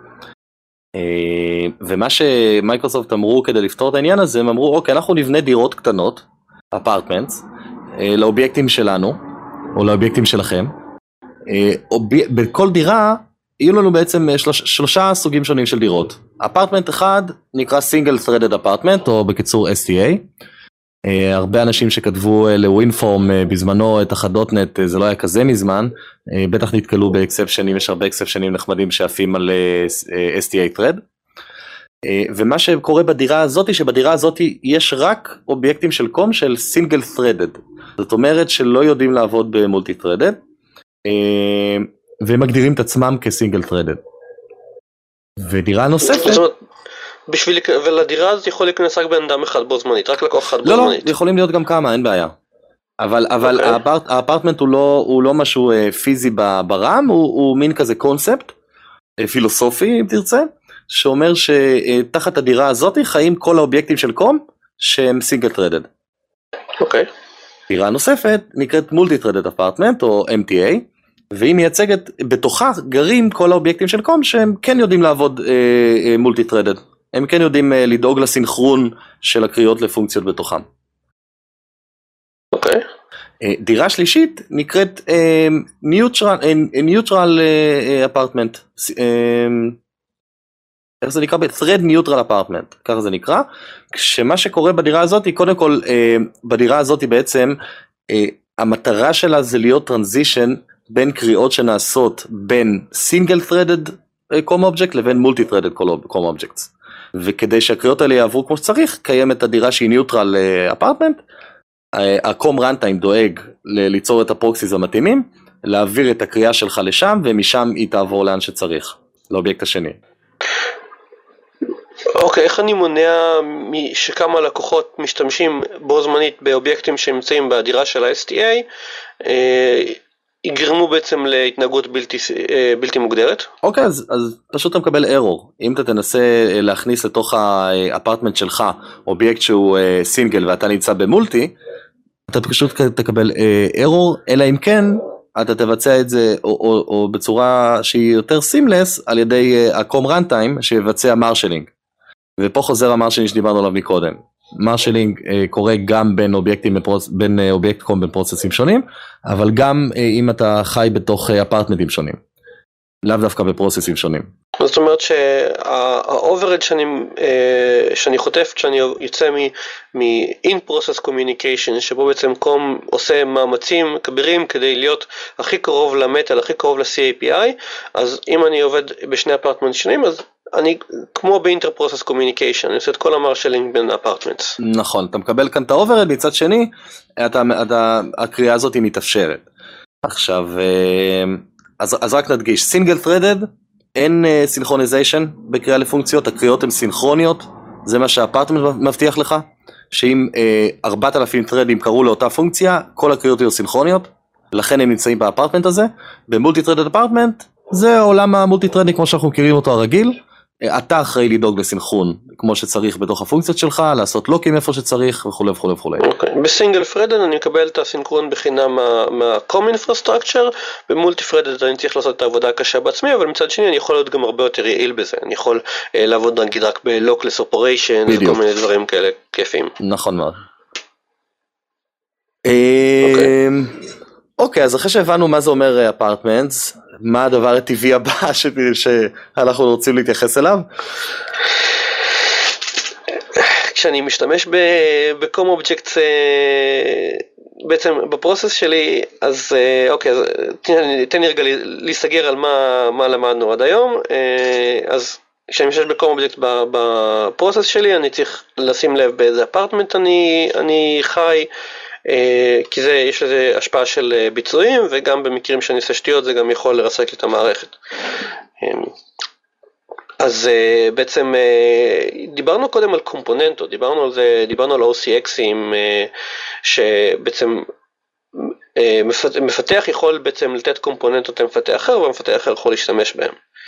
שזה האמת לי קצת מזכיר לי את מה, כל מה שקרה עם, ActiveX. שאם אני מבין נכון היה אותו דבר בווב בעצם? כן, בעצם אה, מה שקרה, אה, אתה אמרת מקודם שקום אה, אהב דברים פשוטים. אז זה נכון, קום אהב שדברים יהיו פשוטים, הבעיה היא שלהשתמש בקום לא היה פשוט בכלל. זאת אומרת, קודם כל אנחנו מדברים כאן על מערכת שהיא language neutral.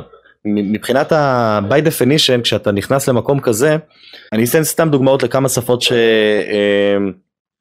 שידעו לעבוד עם, אה, שידעו לעשות קריאות קום. אה, אתה יכולת לעשות קריאות COM אה, מ-C++, יכולת גם מ-VB, מ-VB Script, visual basic script. יכולת לעשות קריאות COM, הייתי בטוח שיש לי כאן רשימה אבל אין לי, המון המון שפות, בקיצור זה, זה, זה היה הפואנטה. Windows Scripting Host אני חושב שאפשר להזכיר אותו. Host, נכון. שזה בעצם מערכת שמאפשרת לך לטעון כל מיני מנועי scripting, אתה יכול לכתוב ב-Visual Basic, אתה יכול לכתוב ב-JavaScript, אתה יכול לכתוב ב-Perl אפילו, כל מי שמממש מנוע uh, scripting, אתה יכול להריץ אותו מתוך ה-Windows Scripting Host, ואז הוא חשוף בעצם ל-Component uh, Object Model שהוא יכול להשתמש בו. נכון. Uh, ומערכת כזו עכשיו אני, אני רק אזכיר שאתה אמרת language neutral ואני אזכיר כל מה שאומרים language neutral מתכוונים C API אה, אתה יכול להסתכל על זה בסופו של דבר כי אתה מישהו טוען DLL, DLL של COM נגיד, ושם יש אה, אוסף של אה, פונקציות שהן פונקציות C שאתה יכול לקרוא להן בעזרת ה-CABI, ה-Application Binary Interface. נכון. אז מה שקרה זה שהעבודה מול קום הייתה מאוד מאוד מאוד מורכבת מול כל האינפרסטרקצ'ר של קום. נהיו לך כמעט לכל דבר אובייקטים של קום. כי זה היה הדבר החם הבא וכולם רצו לכתוב בדבר החם הבא. אה, יצאו גרסאות שונות ששינו פונקציונליות ושינו מימושים שפגעו במוצרים אחרים של חברות אחרות. זה בגלל שכל מיני אנשים ימשו אינטרפסים ואז לא שמרו על ה-forward אה, compatibility של האינטרפסים אני מבין נכון. נכון, זה מאוד אה, קשור גם ל-DLL שהיה אה, בזמנו בהקשר של Windows, שאולי נדבר עליו בהזדמנות, אבל אה, בעצם אה, מה שקרה בקום זה שאתה יכולת לרשום אה, אה, רק גרסה אחת של DLL אה, עם אותו CLSID. אה, ואז אם ה-DLL היה משתנה וה-CLSID לא היה משתנה, אז היית בעצם אוכל אותה, כי לא היית יודע איזה מימוש אתה הולך לקרוא. בהנחה שהמימושים שונים והם לא קומפטיבל אחד לשני.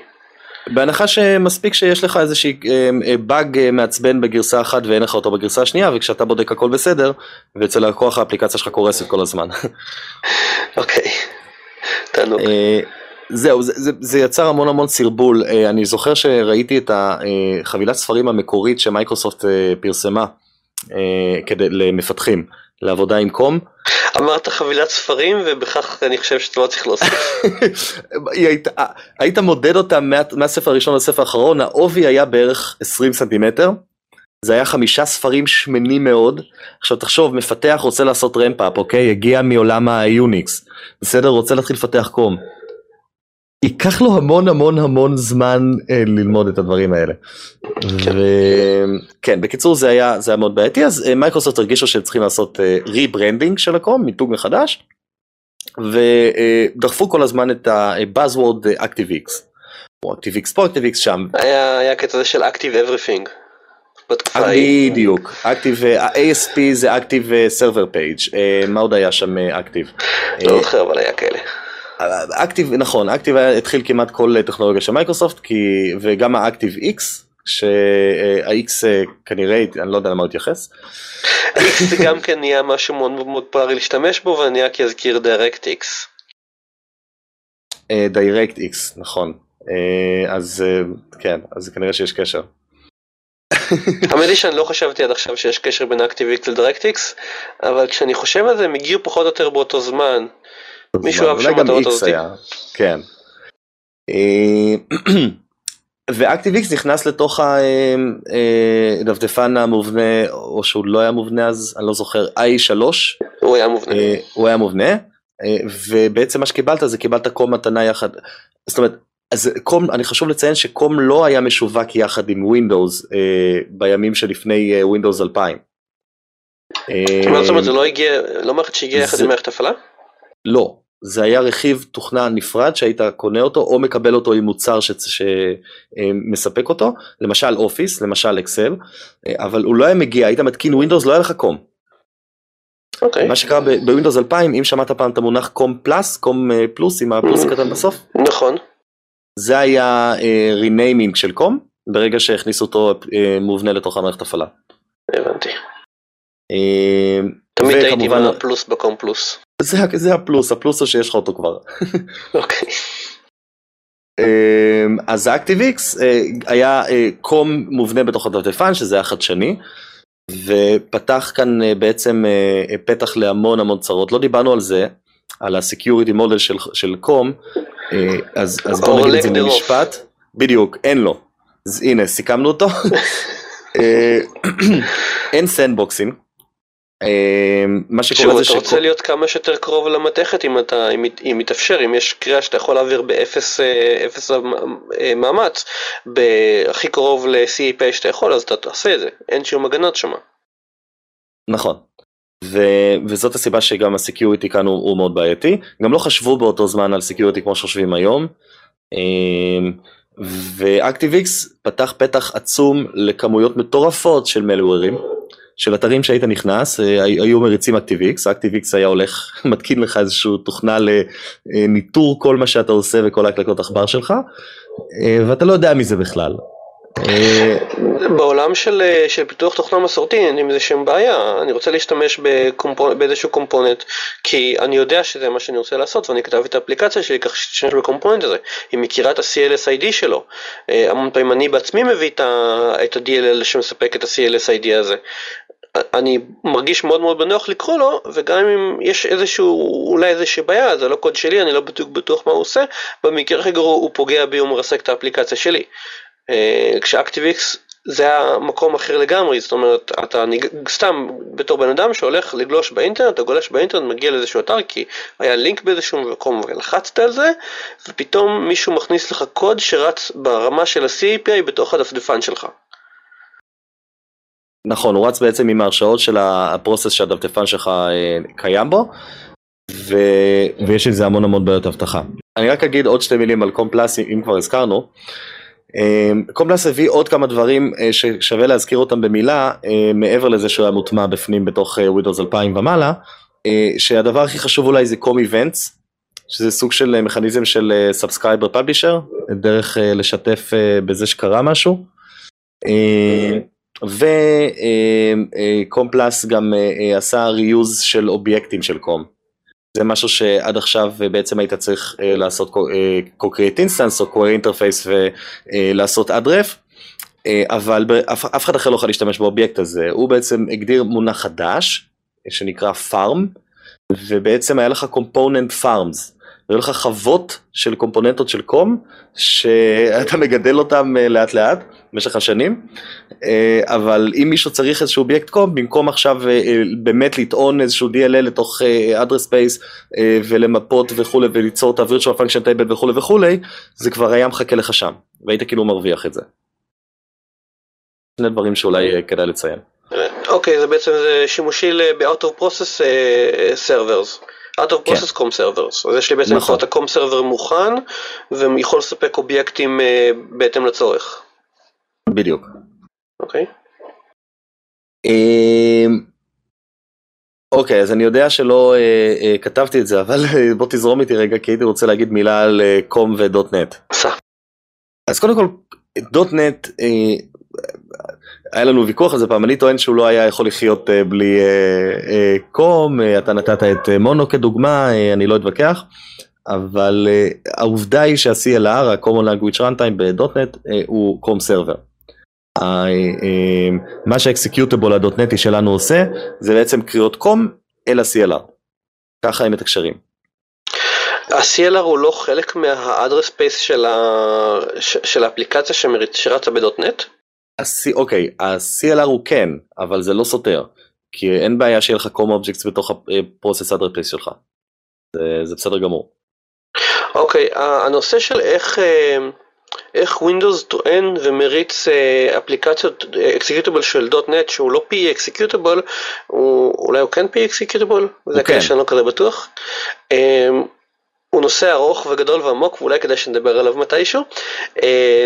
אבל אני רק אזכיר את, את, את מונו, קום הוא מימוש שבעזרתו אתה יכול להגיד אוקיי הראנטיים שלו הוא, אה, אה, הוא reusable ואפליקציות יכולות להשתמש בו ואני אחשוף את ה-reusability בעזרת איזשהו אה, ממשק ובחרתי להשתמש בקום כי זה ממשק נוח ושימושי שאני מכיר ואני יכול אה, לכתוב מולו מאוד בקלות.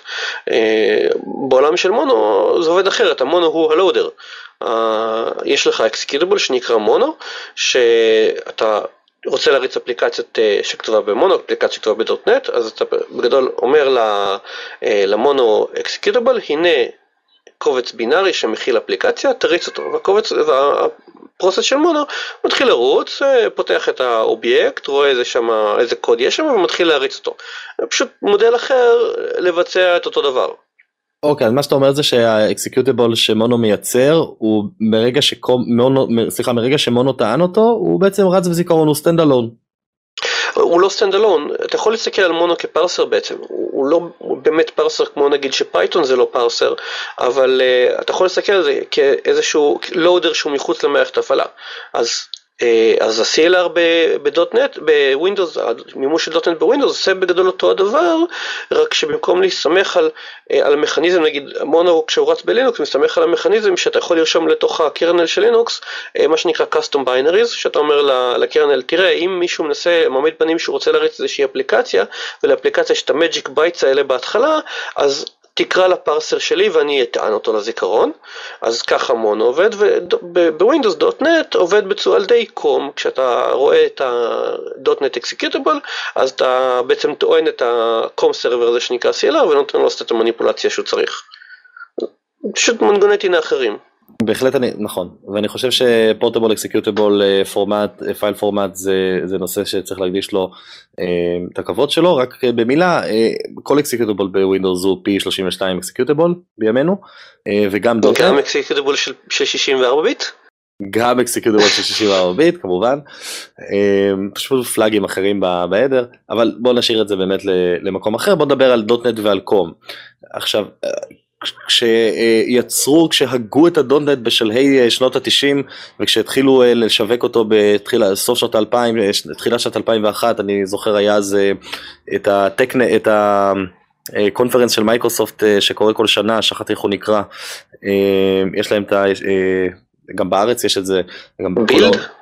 לא, לא למפתחי, לא לווינדוס, אלא, זה, לא זוכר, נראה לא חשוב. כשפרסמו את ה .NET למעשה היו כבר המון המון המון המון קומפוננטות גם של מייקרוסופט וגם של חברות צד שלישי שחושפות פונקציונליות ב COM.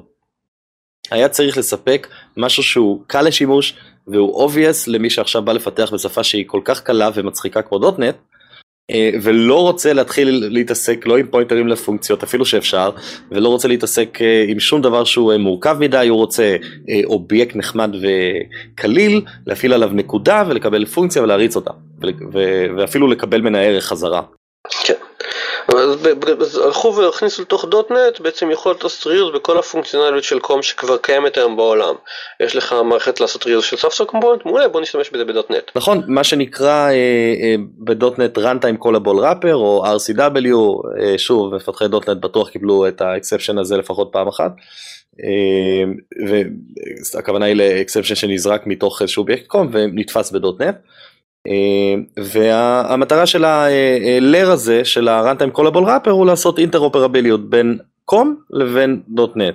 סך הכל אובייקט אנחנו יודעים מה זה, אנחנו יודעים איך לייצג אותו ב COM, יודעים איך לייצג אותו ב .NET, בואו נעשה translation הלוך וחזור. מ-TLB למשהו ש .NET יכול להבין. מ-TLB ל metadata של .NET. מקריאות לפונקציות של C style function call לקריאות דוטנטיות שמערבות ה-CLR וכולי וזה vice versa, זאת אומרת אני היום יכול לכתוב אפליקציה .NET שחושפת COM interface החוצה. כמו כל, כמו הרי דיברנו על זה שהוא language independent, אז כמו כל שפה אני יכול לכתוב אפליקציה שחושפת ממשק קום החוצה, אבל אני מניח, מבין שמה שאתה אומר זה שבדוטנט עשו את זה אקסטרה קל. עשו את זה מאוד אקסטרה קל למפתח באמצעות רכיב אחר שנקרא com callable wrapper, CCW, אם הראשון היה runtime callable wrapper זה com callable wrapper, וככה אנחנו יכולים לעשות אינטרופרביליות והעולם מושלם, נכון? כמעט מושלם אני חושב. זהו שלא כל כך, יש דוגמה מצחיקה מאוד של קריאה בנוטנט שלוש וחצי, אני שוב פעם מתעלל בו, למתקן שגיאות של וורד. ואתה רואה שם קריאה לפונקציה שהפרמטר הראשון זה הטקסט ויש לך אחר כך 11 פרמטרים שהם נל. למה? למה? כי זה אף אחד מהם לא חשוב, לא, לא היית צריך לשלוח אף אחד מהפרמטרים האלה, אבל היית חייב לקרוא להם ככה. זה משהו שתקנו ב .NET, כי ככה מוגדרת הפונקציה ב interface של COM. שזה משהו שתקנו אותו. ב .NET 4 ומעלה עשו את זה קצת יותר נחמד למפתח, גם בינינו זה היה די פשוט החל מ .NET 1.1. איך תקנו את זה? אתה יכול לראש לך להעביר המון המון נאלים כי ב method declaration העבירו 12 פרמטרים? הוסיפו שכבה של אבסטרקציה ששולחת נהלים אם אתה רוצה לקרוא לפונקציה שאתה לא רוצה לשלוח לה את כל הפרמטרים. וואו מדהים. כן. אז קיצר זה אוסף של תיקונים על גבי תיקונים. זה ווינדוס, ברוך הבא. תודה, תודה. אז מה, אז, אז מה, דיברנו, דיברנו על מה שהיה, דיברנו על המצב הנוכחי פחות או יותר. אולי נסתכל קצת קדימה לעתיד, או למצב הנוכחי שאף אחד עדיין לא, לא מפתח בו, כי זה, אנשים עדיין לא שדרגו לווינדוס 8. אוקיי, את זה אני פחות מכיר, אז בוא תספר לי. אוקיי, אז יש לנו את Windows RT, מה שנקרא Windows Runtime. Windows Runtime זה בעצם com-based API אפשר להגיד, API שמבוסס על com, אבל הוא, הוא נקרא, הוא, הוא, לא, הוא לא בדיוק נקרא com, הוא נקרא enhanced com, com משופר. מה הכוונה? יש לך שפה חדשה, כאילו לא היום מספיק, שנקראת C++, C++/CX. לא C++CLR? לא C++CLR, אבל הסינטקס הוא מאוד מאוד דומה. אוקיי. CX stands for Component Extensions. של, שלא תחשוב לרגע שמדובר ב COM רגיל, ל-Component אבל Extensions. והיא מממשת את ה-ECMA 335, שזה אותו metadata format שקבצי .NET משתמשים בו עם כמה שינויים. אוקיי, okay, זה זאת אומרת שינויים מ ECMA 335, ECMA 335 זה הסטנדרט שסביבו בנוי כל ה interoperability של דוטנט ומונו והחברים שלהם. בדיוק, ובעצם גם אני היום יכול מחר לבוא ולממש CLR משלי באמצעות האקמה הזה. ו... אני רק נגיד שתי מילים מה זה אקמה, אקמה זה ארגון תקינה בינלאומי, פחות או יותר מאוד דומה לאייזו במטרות שלו, רק שעובד הפוך מאייזו, אייזו שאנחנו בטח מכירים, ארגון התקנים הבינלאומי, הוא, אייזו עובד במוד של קבוצות עבודה, שמתנגד קבוצת עבודה מהתעשייה וחושבים ביחד איך לעשות סטנדרט שכולם יכולים לעבוד ביחד, ובסופו של דבר מוציאים סטנדרט וקוראים לו אייזו איזשהו מספר אקראי.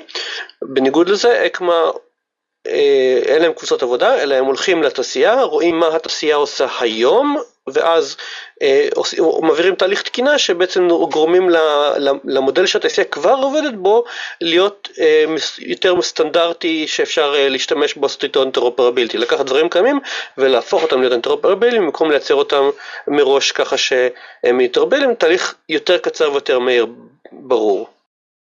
יפה, זו תוספת חשובה.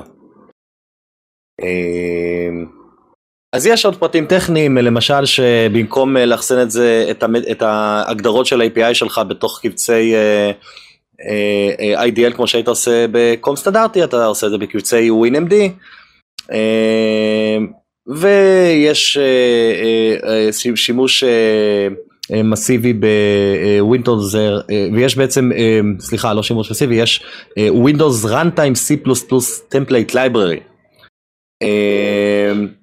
וזה בעצם אה, אה, עוד, עוד איזושהי שכבה שם על ה-WinRT שמספקת אה, אפשרויות לקרוא ל-C++, להשתמש ב-C++ רגיל. פונקציות של C++ CX לא יכולות, זאת אומרת פונקציות C++ CX לא יכולות להחזיר חזרה פרמטרים שהם מיוחדים ל-C++ CX, אתה לא יכול להחזיר STDW string למשל, אתה צריך לעשות את כל הדברים בתוך הקוד שלך ולהחזיר החוצה לקוד C++ רגיל. בקיצור, יש שם המון, אה, המון שינויים כמובן. אה, אולי נדבר על זה בהרחבה בהזדמנות, כי זה סך הכל אה, מה שאמור להיות הסטנדרט החדש החל מווינדוס 8, אתה כבר אמור לכתוב קומפוננטת WinRT, אתה לא אמור לכתוב קומפוננטת COM, אם אתה מכוון לקהל של ווינדוס 8 ומעלה, אבל למה שתרצה לעשות את זה? זה כבר שאלה אחרת, אבל, אבל אם אני, אני, השאלה שאני שואל כאן זה בעצם, האם הכיוון עכשיו של פיתוח אפליקציות לווינדוס הולך לכיוון הזה של, ה, של C plus CX, קומפוננט C++CX ואנחנו נזנח בעצם את המודלים הקיימים או שהם כולם יישארו באוסף אוסף של שכבות אחת על, אחת על גבי השנייה אה, כמו שלנו עד עכשיו אז שלנו זה ככה או שיותר בכיוון של OLE 2.0 שבעצם כתבו אותו מחדש על פלטפורמה חדשה. אוקיי okay, אז כמו שאם אני מבין נכון את מה שמייקרוסופט מנסים להגיד לנו כאן אה, דרך אגב זה כן דיברו עליו בכנס הבילד של 2011 אה, שם הציגו את זה Herb Sutter זה השם של המפתח, ה-lead developer. אה, מה שהם מנסים להגיד לנו שם זה תראו חבר'ה איפה אתם נמצאים האם אתם נמצאים בעולם המגניב של uh, UI ו-UX ויש לכם animations ויש לכם כל מיני דברים מגניבים שה user רואה רוב הסיכויים שאתם תפתחו ב-C++CX או ב-.NET. אבל C++CX נותן לכם עבודה יחסית קלה יותר עם קוד native C או C++. לעומת זאת, אם אתם נמצאים בעולם של ה mid level, ה mid tier, בתוך Windows איפשהו, אתם בין, אה, אתם מעל subsystem אחד אבל מתחת להרבה אחרים, או כמובן וכמובן שאתם רוצים לפתח אה, משהו שהוא low level, אה, אז אתם לא, לא יעזור לכם כל כך C++ CX, כי אנחנו, כדי לפתח אתם צריכים המון ספריות שנמצאות ב-i level. אוקיי, ואז אנחנו עדיין נרצה לכתוב קום כדי לחשוף שירותים שמפתחי CX יכולים להשתמש בהם. כן, למשל תרחיש אחד שבו אני יכול לחשוב עליו אה, שהוא אפשרי זה להרחיב אה, איזושהי פונקציונליות של CX ואז אני ארצה לעשות את זה באמצעות אה, מימוש של קום סטנדרטי. הבנתי, אז עוד שכבה למעלה למפתחי אפליקציות שעושה עוד דפריקציה ל-MFC ול-WPF ולכל התשתיות UI שמיקרוסופט פיתחה לאורך השנים. נכון, חשוב לציין שווינרטי עצמו אה, יכול גם להיכתב בדוט-נט וגם בג'אווה סקריפט, אבל אה, C++X זה הדרך ה-C++ית לעבוד מולו, לפתח ווינרטי. הבנתי. עוד מוצר, מעולה. כן. אמ, אתה יודע שהעולם עובר ל-HTML. ברור, הכל עובר לענן. ועל כך, בפודקאסט הבא. אה, ואני חושב גם שצריך לדבר בהזדמנות על, אה, על תקנים, כי זה גם עולם שמשפיע באופן ישיר על הקוד שאנחנו כותבים ועל השמות שאנחנו כותבים. ו... אתה יודע מה הדבר הכי טוב בתקנים? מה? שיש כל כך הרבה מהם לבחור. כן, זה המוטו שלי. כן.